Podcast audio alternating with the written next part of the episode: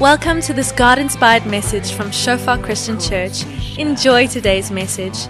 May you experience the presence of our Father and may you grow deeper in your relationship with Him.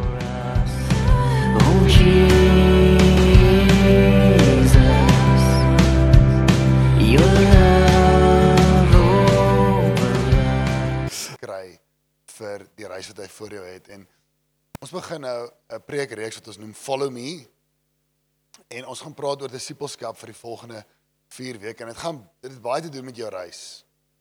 En vandag gaan ons begin en ons gaan praat oor die fondasie, die vaste fondasies van disippelskap. En ek wil so ver gaan om te sê dis baie moeilik om die reis wat die Here voor jou sit klaar te maak as van hierdie hoekstene uitmekaar uitval. So ek gaan ek sal my kop al buite sit en sê hierdie is dis dit, kop op die blok. Hierdie is belangrike goed.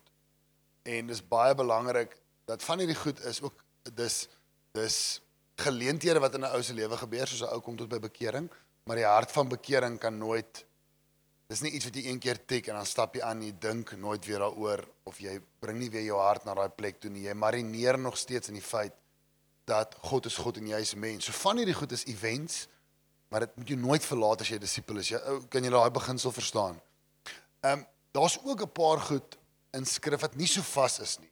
Ek sê juist in skrif, want die Bybel is 'n in in Engels is 'n narrative of is 'n storie. Okay? So iemand sal sê ja, die Bybel, hoe kan jy 'n Christen wees? Ehm um, mense word doodgemaak. Ja, want die die Bybel vertel die storie, maar hy sê nie dis reg nie. Jy moet weet ook om 'n storie te lees. Byvoorbeeld om jy as jy moet mens doen wat die Bybel sê. Ja, mens moet doen wat die Bybel sê, maar mooi hoor wat die Bybel sê. Want die Bybel sê in elke dorp wat Paulus ingegaan het, het hy eers na die sinagoge toe gegaan. OK. So as jy moet presies dit copy and paste, dan elke keer as jy by 'n dorp ingaan, moet jy eers by die sinagoge ingaan.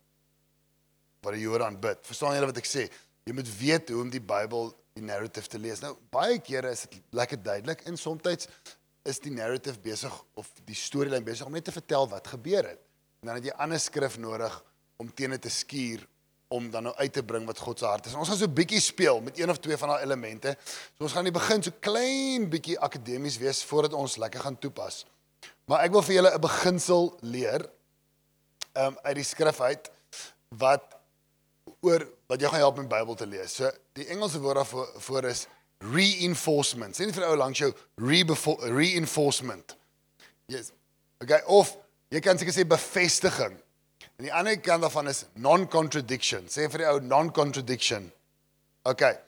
Nou, die beginsel is as jy iets in skrif sien en jy wonder en jy lees aan en jy sien dit weer en jy sien dit weer en jy sien dit weer en iemand sê dit iemand doen dit, dan is daar 'n goeie kans dat jy iets in skrif sien wat jy moet toepas. OK? Kom ek gee 'n voorbeeld daarvan. Kom ons sê iemand sê ons wil uitvind waar was Brown vanoggend gewees? Nee, Maria. Ons wil uitvind waar was Maria. En jy was nie hier nie, jy gaan na iemand toe en Kaal sê nee, Maria was ehm um, Maria was by Kiro gewees. Dis wat Kaal sê. OK. Gaan na Lorenzo toe. Hy sê nee, Maria was op die grasperk. Al wat hy sê. Nou die het hulle verskillende goed is dit is is die goed in teenstand met mekaar. Want as jy verder met Lorenzo praat sê hy dalk die grasperk op Kiro. Is jy met my? Iemand sê nee, Maria was vandag by die mall. Maar as jy langer met hom praat kom dit agter dit was 5 uur. So soms kan jy op dieselfde vraag verskillende antwoorde kry, maar dit is nog steeds in harmonie. Maar as jy vir iemand vra, waar was Maria vandag en hulle sê Taiwan.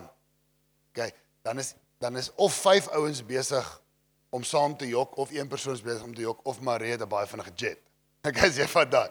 Maar en, maar dis 'n dis 'n tool, dis 'n gereedskap vir jou om die Bybel te lees en ek gaan so 'n bietjie met met van hierdie idees speel voordat ons land op vier goed vanoggend wat jy in jou lewe moet inbou as jy sê ek wil 'n disipel wees en ek wil my reis begin sterk wees in hom en klaarmaak. Ek gaan eers begin met 'n paar goed wat nie so vas is nie. Okay? In die sin dat iemand kan dalk sê, mm, as jy 'n Christen is, dan gaan hierdie area van jou lewe altyd lekker wees, okay? Wat wat is skrif te sê oor 'n paar van daai areas en ons gaan in Handelinge daarna kyk oor 'n paar goed wat nie so vas is nie. Dan gaan ons kyk na daai vier goed wat vas is. Okay. Ek wil net gou vinnig bid vir myself as ek aan. Here, dankie vir die oggend. Dankie vir u woord. U is hier met elkeen om hulle in te bring en te troos. U is hier om pad vorentoe te wys. En Jesus, U is hier om ons koning te wees, ons redder. Ons verwelkom U, Heilige Gees, die een wat wys, die een wat leer. Ons is hier om U kinders te wees en U te volg. Amen. OK. Ek gaan 'n paar skrifte opgooi voor ek by die die die fondasieskrif vir die dag kom. So asseblief moenie oorweldig word nie want ek gaan so 'n bietjie heen en weer gesels om 'n beginsel oor te kry. Die eerste ding wat wat ons sien in skrif is ons sien gemeenskap. Um, op 'n kol in Handelinge 2. Ons gaan baie kyk na Handelinge want Handelinge is op 'n manier dis die kerk lewendig na Jesus weg is. Op 'n manier gaan ons nog steeds aan met Handelinge. Die storie van God se kerk word nog steeds geskryf op ons deur die tye van geskiedenis. So dis altyd lekker om te kyk. So hoe het die kerk floreer net na Jesus opgevaar het? Ons sien hierso 'n voorbeeld van 'n gemeenskap wat absoluut floreer. Ons sê ons sien waar die skrif sê hulle het hulle volledig gewy aan die leer van die apostels en aan die versorging van mekaar. Jy kry sommer daai warm gevoel, die versorging van mekaar. Gemeenskaplike maaltye, okay, in Sekunda, as jy dit vertaal is dit braai, okay? Al die gelowiges het gereeld by mekaar gekom. Jy kan sien hulle gee om vir mekaar, hulle is daar vir mekaar. Dan gaan dit aan, dit sê van huis tot huis, die maaltyd van die Here gevier, brood gebreek en kos met jubelende blydskap in alle opregtheid geëet. OK. Dis die voorbeeld van 'n gemeenskap wat floreer. So iemand kan dalk vir jou sê, luister, die oomblik as jy 'n Christen is, nee, luister, dan gaan jy 'n gemeenskap wees en alles gaan great gaan. Jy moet dit net weet. Dis amazing. Dis braai, dis choppies, dis wors. Dit is dit is net as jy 'n Christen is, moet jy weet. Jou daar gaan nie 'n kraak in jou gemeenskap wees nie. Dis plain sailing. OK. Kom ons gaan aan na Handelinge 8 toe. So as jy bietjie so bietjie terug gaan ons gaan nou praat oor Stefan, hulle het 'n disipel doodgemaak, met klippe gegooi. Kyk wat sê die skrif hier van die gemeenskap. Hulle sê dat Stefanus begrawe. Saulus het die kerk oral probeer vernietig. Hy het van huis tot huis gegaan en mans en vroue laat uitsleep, uitsleep. Hulle het net gesien van huis tot huis het lekker geëet. Nou sien ons van huis tot huis kom 'n ou in en sleep gelowiges uit hulle huise uit. Selfe Bybel. Die gelowiges wat uit Jerusalem gevlug het, het so ver as wat hulle gegaan het, die goeie nuus verkondig. Nou ons lees baie vinnig, sê amazing. Hulle gaan verkondig, maar wat jy eers moet besef is jy stap uit Sekunda uit sonder 'n kar en jy vind dalk 'n skuilings in Hendrina. En daar sal dalk iemand wat hulle deure vir jou oopmaak en jy van jou geloof met hulle deel. Wat hier gebeur het is die mense was so bang dat hulle gevlug het uit Jerusalem. Daai pragtige gemeenskap wat ons nou net van gepraat wat floreer het, uitmekaar het gespat. Het God hulle verlaat? Is dit 'n ander Bybel wat hier ingepuist is want hoekom klink die skrif of hy teen homself praat? Die die realiteit is hy doen glad nie.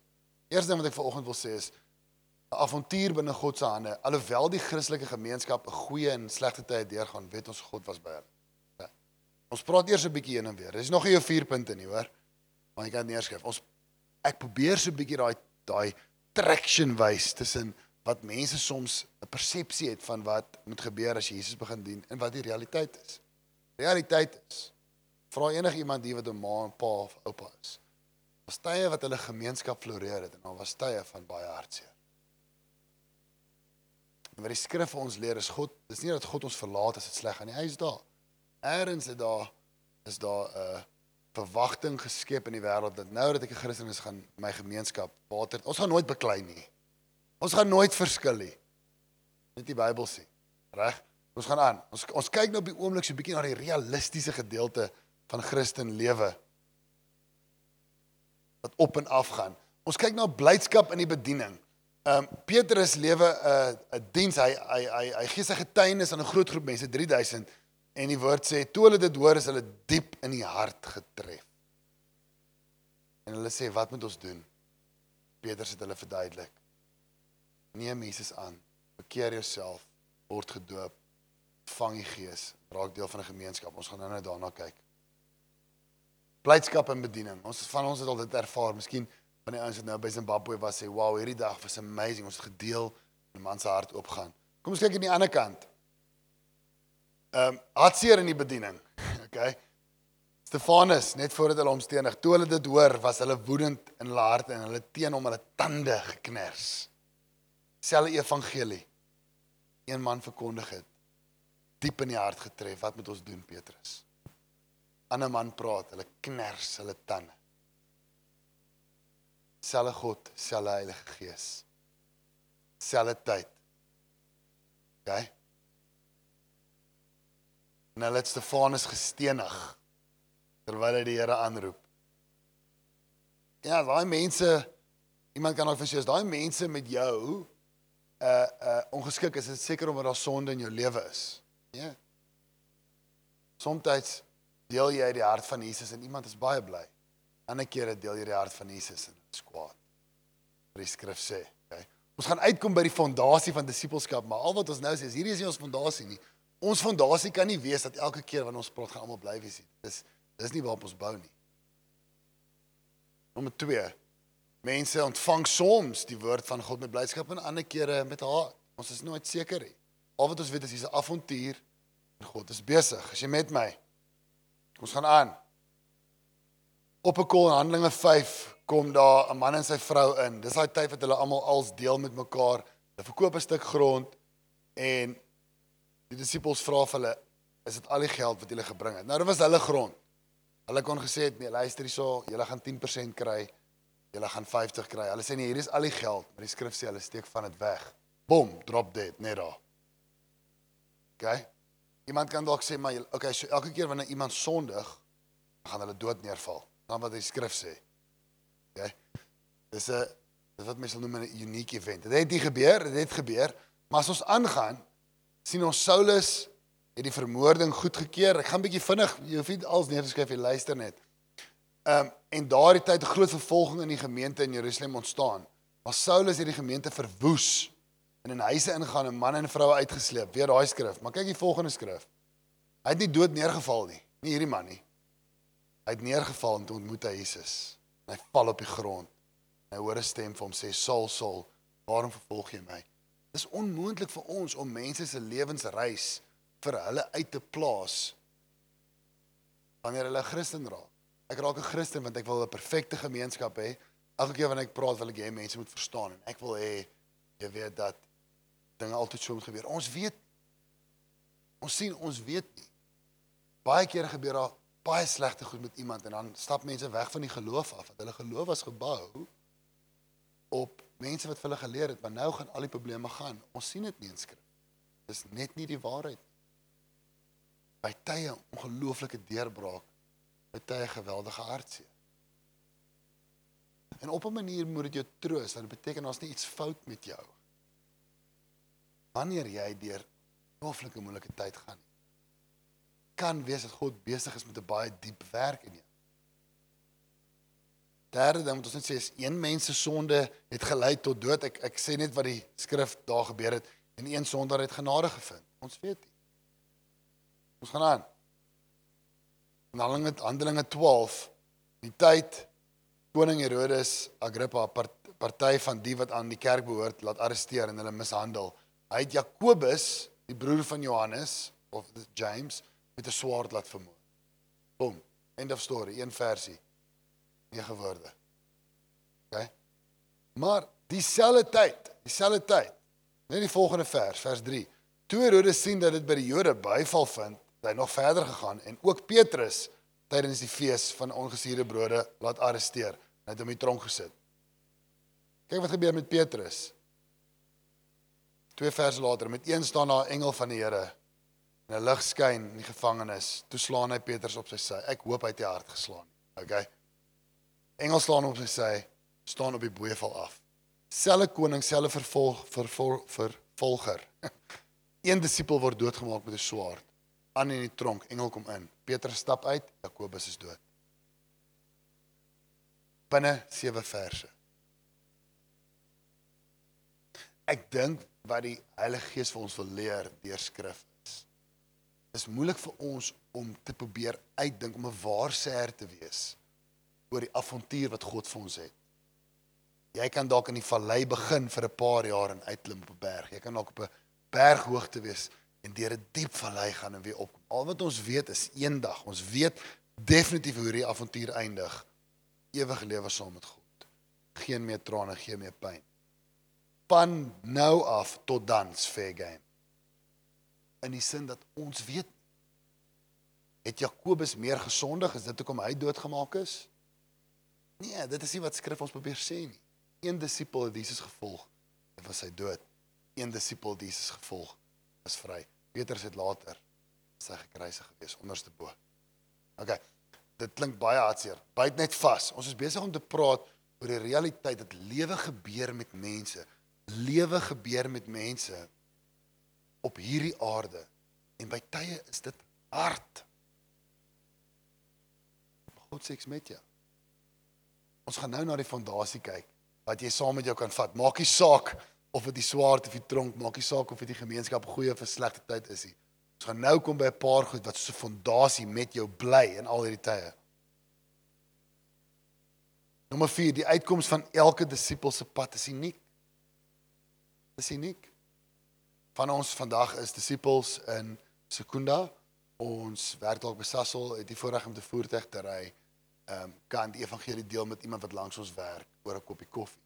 Ander disipels op hierdie oomblik hardloop van 'n bom af in Sri Lanka. Selfde tyd. Net 'n ander plek met 'n kind in sy hand. OK. Die pad van die disipel is nie vir die mens om uit te plaas nie. Disipel moet God dien op en af. Hou vas aan God. OK. So, dit klink rof, dit klink jy baie goed hier. Hier's goeie nuus. Amen. Sê nie vir ou langs jou hier's goeie nuus. OK. OK. Hier kom goeie nuus. So wat ek wel oor wil praat is ons sien ons kan nie ons lewens uit plaas en vir mense sê, jy weet as jy na hierdie kerk toe kom gaan alles regkom en jy gaan dalk vir hulle jok. OK. Die dag as hulle kerk toe kom en hulle gee hulle hart vir die Here word hulle dalk môre gefire. jy weet ons weet nie. Maar kom ons kyk na wat ons weet. Kom ons kyk na wat skrif vir ons wys die vaste fondasie is waarin die disipel kan vashou vir ewig en vir altyd. En ons gaan met hierdie idee speel van uh reinforcement in skrif. Ons gaan kyk wat wat die Bybel sê in Handelinge en dan gaan ons kyk waar anders sê skrif dat dit is 'n vaste ding. Dan gaan ons daaraan vaskleef as disippels. So hier is ons ons fokus skrif vir die oggend. Petrus se woorde het hulle diep geraak. Hulle het vir Petrus en die ander apostels gevra: "Geagte volksgenoot, wat moet ons doen?" Ja, dit was daai oomblik waar Petrus getuig het. 3000 mense het geantwoord. My hart. Hierdie Jesus, wat moet ons doen? Hy antwoord: "Bekeer julle en laat elkeen van julle gedoop word in die naam van die Jesus Christus tot vergifnis van sondes. Julle sal die gawe van die Heilige Gees ontvang." Hierdie belofte is bedoel vir julle en julle kinders en selfs vir nie Jode almal wat die Here ons God sal nader roep. En die wat Petrus se boodskap aanvaar het, is gedoop. Hulle het die lede van die kerk geword. Hulle was 3000. Hulle het volhard belangrik in die leer van die apostels, in die gemeenskap en die breking van brood en gebede. OK. Kom ons praat oor die fondasies in die lewe van 'n disipel wat hom kan dra oor hoë berge, diep dale. Wat jou in staat stel om gemeenskap wanneer dit floreer te geniet en wanneer gemeenskap deur 'n moeilike tyd gaan, deur te kan gaan omdat daar iets lewend lewende water in jou inpomp. Hier is vier dinge ek vandag by julle voete wil sit. Die eerste ding, dis 'n de, okay, dis 'n de moments Maar dit is wanneer ons terugkyk oor ons lewens en ons by plekke uitkom. Ons nie wil weet jy wat ons besef maar dis 'n de goed. En dis dis die basiese goed, belangrikste goed wat ek laat gaan het. My blad beland op 'n plek. So gryp baie styf dat die goed vas. Eerste ding, hy sê bekeer julle. Bekeer julle. Bekeer julle. Kom ons sit geraak op.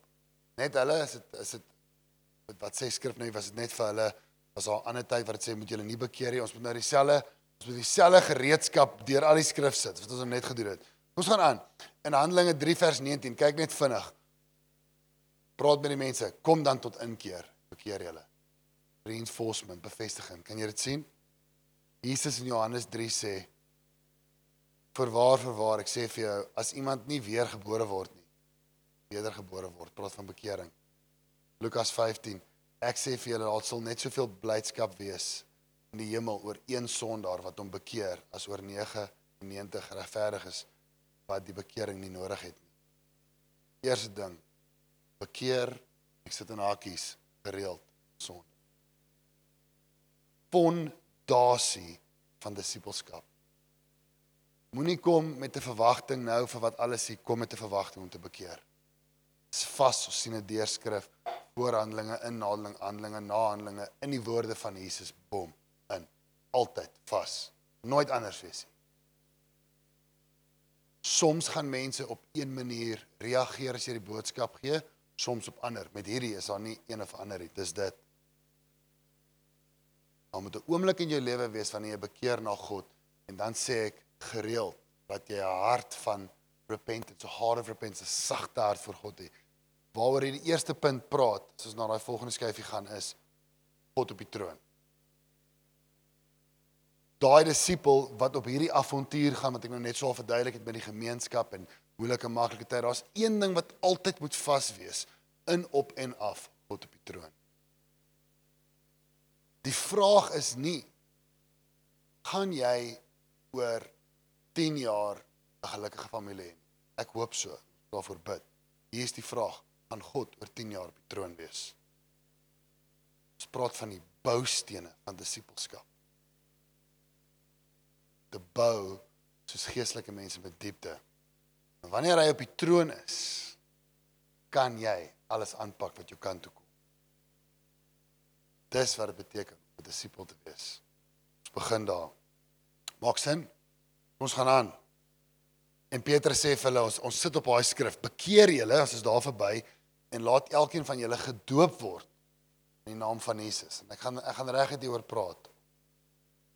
Was dit net vir hulle, was dit net vir daai dag, was dit net vir 'n oomblik? Kom ons kyk. Ons beweeg deur die skrif. Ons kyk of skrif dieselfde sê op verskillende plekke. Matteus 3 vers 13 en nadat Jesus gedoop was. OK. Daar's hy.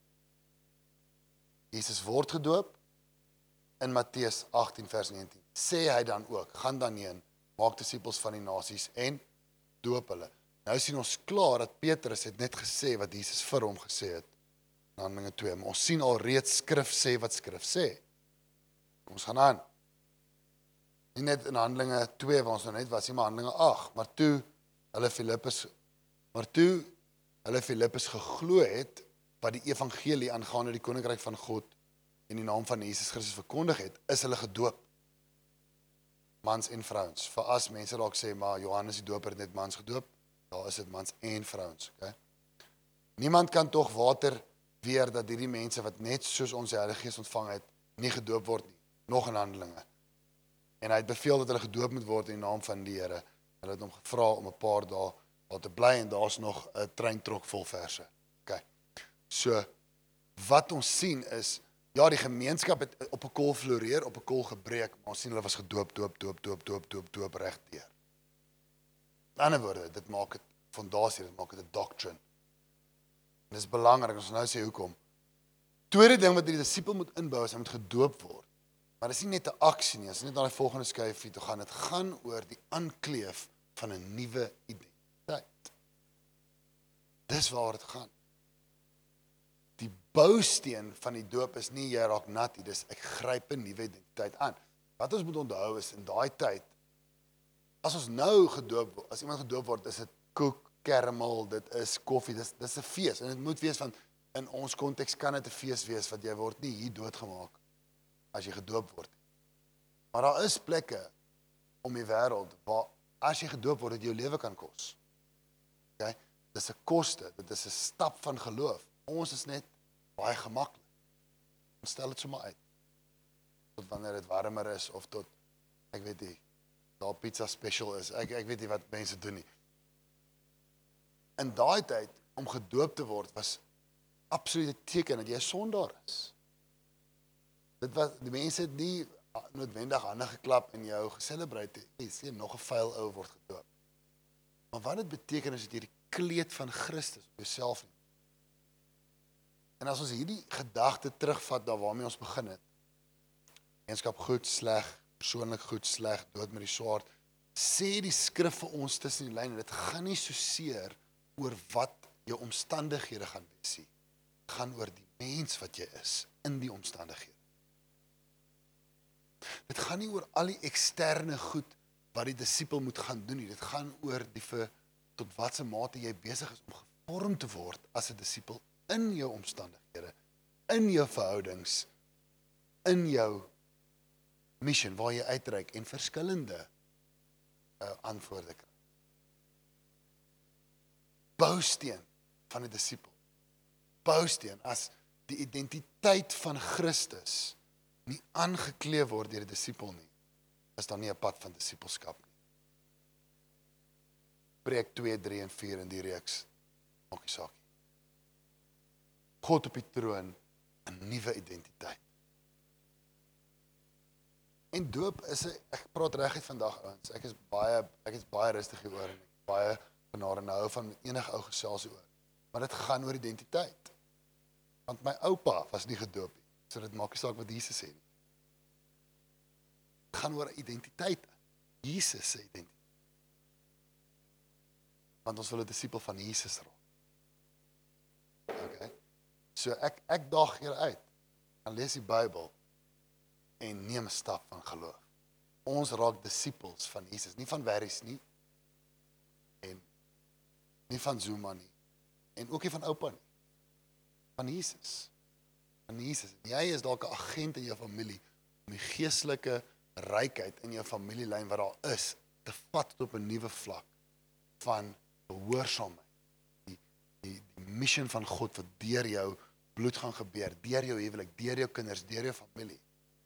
En as jy daai pad van disippelskap wil stap, gaan jy you're going to have to count the cost. Jesus sê, if anyone is not willing to take up his cross, it's not worth it to follow. Dis waar jy begin. Jy bou die stene. En jy bou die stene diep. Want daar's 'n avontuur op pad. Daai stene nie diep is nie. Daai gemeenskap slaat die slaat die vloer of iets gebeur, breek jy huis. Hoe bou jy huis op die rots? Bou. Jesus sê, jy bou met alles wat jy het. Kykie terug hier. Kom ons gaan aan. Selfe skrif word gedoop in naam van Jesus Christus tot die vergifnis van sondes en jy sal die gawe van die Gees ontvang. Gaan aan. Kom ons kyk wat sê die res van die skrif afvan. Laat ek julle egter die waarheid vertel. Dit is tot julle voordeel, so wat Jesus gesê het. Want as ek nie weggegaan, as ek nie weggaan nie, sal die raadgewer die Gees nie na julle kom nie. So ons sien Jesus het dit gesê, het dit voorspel. Hy word aangehaal hierso in Handelinge. Handelinge 1 vers 8 sê Jesus dan, maar julle sal krag ontvang as die Heilige Gees oor julle kom. Julle sal my getuies wees. In 4 vers 31 en toe hulle gebid het, plek geskit waar hulle saam was en was almal vervul met die Gees. Ons sien die Heilige Gees se betrokkenheid in die lewe van die disippels op verskillende plekke. Ons gaan aan Handelinge 19 en Paulus het hulle die hande opgelê en hulle die Heilige en die Heilige Gees op hulle gekom. Lukas 11 vers 13 ehm um, Jesus se woorde. As julle dan wat sleg is, weet om goeie gawes aan julle kinders te gee, hoeveel te meer sal die hemelse Vader die Heilige Gees gee vir die wat hom bid. 1 Tessalonisense 5 sê blus die Gees nie uit nie. Engels sê quench not the spirit. Okay. So ons sien reg deur skrif voor Handelinge in Jesus se woorde meer as een keer Jesus vaar op in die woorde van die disippels en dan sien ons die waarmaking daarvan. So dit is nie iets wat soms soms nie ons sien dit as 'n doktrine deur die Heilige Gees moet ontvang word en die Vader is bereid om hom te gee. Wat ons sê op hierdie punt rondom die bousteen van die disipel is die volgende: jy moet die Gees ontvang. Jou hart oopmaak vir die Heilige Gees, want dit praat van 'n nuwe helper wat jy gaan nodig hê op jou roete. So een van die planne wat die wat die vyand het is soos omstandighede jou jou jou kant toe kom, en jy omkant gevang word deur lewe, siekte, dood, verskillende goed wat gebeur. Maak nie saak hoe geesvervuld ons is, jy almal word gebore en almal gaan dood. Soms vroeër, soms later. Maar wanneer dit kom in jou lewe, ruk dit ons harte stikkend. En wat die vyand probeer doen is hy kom met 'n hamer en hy probeer jou fondasie slaan. Stikkend slaan. En as die Heilige Gees nie in die hart van die gelowige is om hom te troos nie, want hy word die trooster genoem, 'n diep troos te gee nie. En die duiwel slaan, dan slaat hy daai fondasie stuk. En as hy fondasie krake het en die Gees is nie daar om te troos nie, jy jou ore uit. Sê die duiwel vir jou God se lief jou. God se goed vir jou. Jy jy gaan kerk toe kyk wat dit hier gebeur. So wat belangrik is vir die disippels om diep te bou, veral wanneer dit goed gaan. Bou diep, bou diep, bou diep, bou diep. Want jy gaan gebore word, jy gaan dood gaan. Jy gaan bly wees, jy gaan nasie wees. Mense gaan tot redding kom, mense gaan nee sê, maar die avontuur gaan beweeg op en af en op en af. En as jy onder is, kom die duiwel met die hamer. En hy probeer jou fondasie timmer. Nommer 1: bekeer. Nuwe God, sit hom op die troon. Nommer 2: 'n nuwe identiteit, word gedoop. Sê dit gaan nie meer oor my nie. Gaan oor Jesus. Klaar. Ek gaan dit bewys, gaan gedoop word.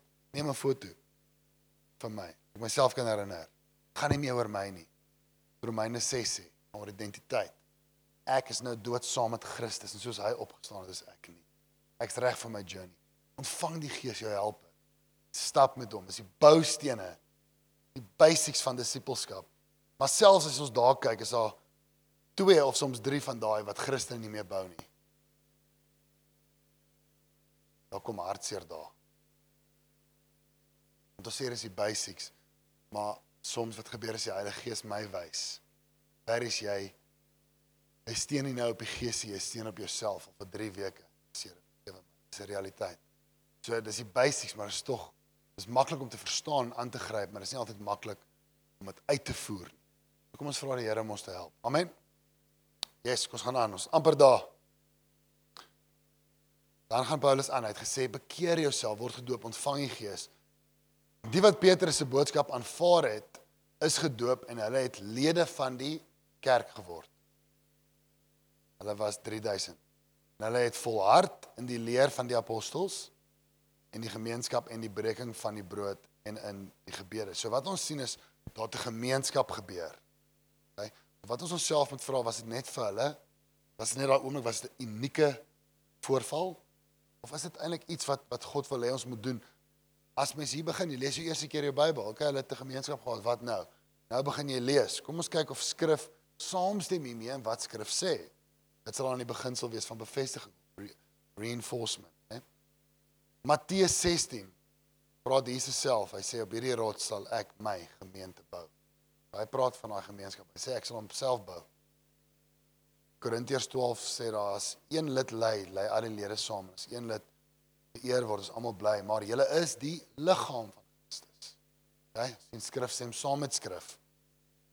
Dan aan Romeine 12 sê want soos ons een liggaam baie lede het, lede nie almal dieselfde werking het nie. So is almal saam een liggaam. Net weer met in Hebreëus en laat ons die onderlinge byeenkoms nie versuim so sommige die gewoonte het maar laat ons mekaar vermaan en dit des te meer na na te julle die dag sien naderkom. So ons sien skrif praat van die gemeenskap voor hierdie oomblik in Handelinge, tydens Handelinge en na Handelinge. So ons kan met duidelikheid sê dat die vierde bousteen wat ons sien wat wat Petrus gee as ons daarna daai volgende skyfie toe kan gaan is raak intentioneel deel en dit praat van neem jou plek. Ons sien dit in skrif regdeur aan elke verskillende hoek. Hierdie goed is unshakable. Dit's vas. Die mense emosies gaan op en af. Boustene staan vas. Kan julle dit sien? Gemeenskap floreer, die gemeenskapspad het mekaar. Basie staan vas.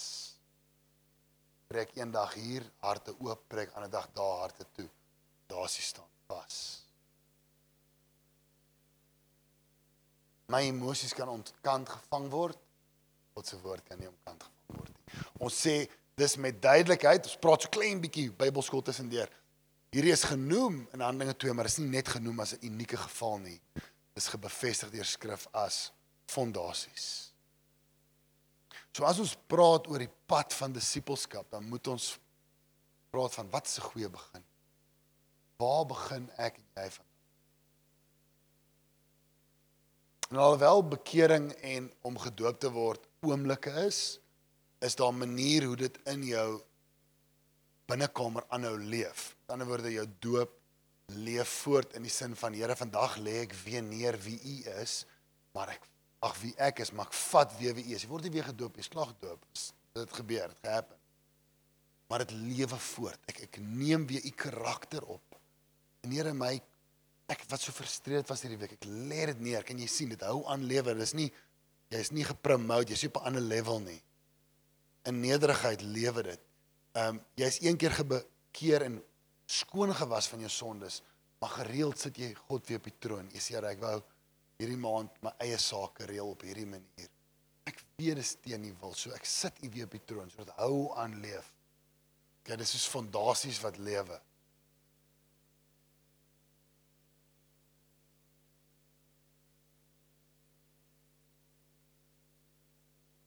wil vir ons klaarmaak met Here net 'n kort stukkie te lees uit Johannes 21 wat hierdie idee saamvat.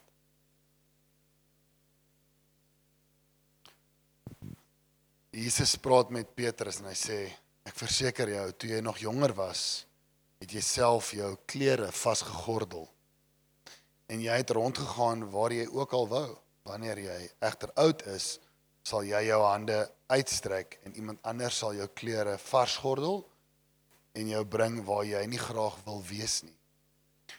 Dit het Jesus gesê om te sinspeel op die soort dood waarmee Petrus God sou verheerlik. So Petrus was op die op die ou einde gekruisig. Hy was gemartel en Jesus het hom probeer help met expectation management. Okay, wat ons hierso doen. Okay, hy het hom lewe gegee. Hy het sy voete gewas, hom skoon gewas. Hy van Petrus onthou een ding. Einde van jou lewe gaan taai wees. En hy sê dit vir homself. Hy sê dit vir hom gesig tot gesig. Want op daai oomblik, miskien as Jesus dit nie vir hom gesê het nie en die mense gryp hom, sê die duiwel vir hom: "Ah, jou redder jou nou verlaat want hy het jou al uit 'n tronk uit laat stap. Hy het jou al mense laat gelees, maar hier gaan hy jou nou kruisig. Jy is op jou eie." Maar Jesus sê vir hom: "Onthou, ek weet hiervan." Okay, hy doen expectation management met hom. Die tipe waarvan ons nie hou nie. En hy sê, daar's daai woorde, hy sê volg my. Al kom dit. Volg my. Petrus is soos ek, hy wil redeneer eers 'n bietjie. En uh hy kyk na Johannes as wat die skrif sê en hy vra vir Jesus, wat van hom? wat gaan met hom gebeur? Kom ons pak ja, dit gaan dit gaan goed wees want hy het meer sonde as ek. En Jesus sê vir hom, luister mooi. As ek wil hê hy moet bly leef tot ek terugkeer. Wat het dit met jou te doen? Volg my. Volg my. Ons almal is Petrus. Ons wil weet Here gaan my familie dit maak. En ons moet voor sy voete lê en bid. Ons wil weet gaan ouma okay wees. Ons wil weet wat gaan gebeur as ek hier werk en dis reg lê alles voor God neer. Maar deur dit alles is daar een ding wat ek jou definitief gaan sê. Volg my. As net kan teruggaan na daai skryf jy met die vier goed. Die skrif maak dit dan nie onduidelik met hoe jy hom begin volg nie. Dis hoe jy hom begin volg. En dan pak jy aan wat voor jou kom met geloof. En jy bid vir deurbraak, en jy bid vir genesing. En jy bid vir almal en alles wat leef en beef. En soos jy deurbraak kry en soms nie, hou jy aan volg. Hou jy aan volg. Nie op nie. Maar daar's een ding wat jy kan weet. Skrif sê duidelik. Al kom en gaan omstandighede en al kom en gaan emosies, God kom en gaan nie. Hy's by jou. Geef jou 'n helper. Hy's in jou. En op daai manier is die evangelie Die skrif sê die die evangelie is is prosperous. It's amazing. Jy's ryk. Dis waarvan die skrif praat. Daar's skatte in jou wat diewe nie kan steel nie. Daar's daar's goed in jou wat weer nie kan laat verweer oor 'n lang tyd nie. Dit groei net. Daar's dele van jou hart wat so diep waar Jesus so diep in bly dat geen mens wat jou probeer seermaak met woorde kan breek wat daar in jou is nie. Dit is die skat van skatte. Dit is die skat van die disipel en dit gee die disipel krag om op te staan en die lewe aan te pak. Dis die hoop wat in ons brand, dis die vlam wat in ons brand, dis diep binne ons. En vanaf ons bars dit uit oor omstandighede en soms God in ons en deur ons draai omstandighede en draai families, draai lewens. Dit gebeur ook. Maar daar lê jou fondasiestene. Kom ons staan vanoggend op en kom ons reageer net in ons hart teenoor God.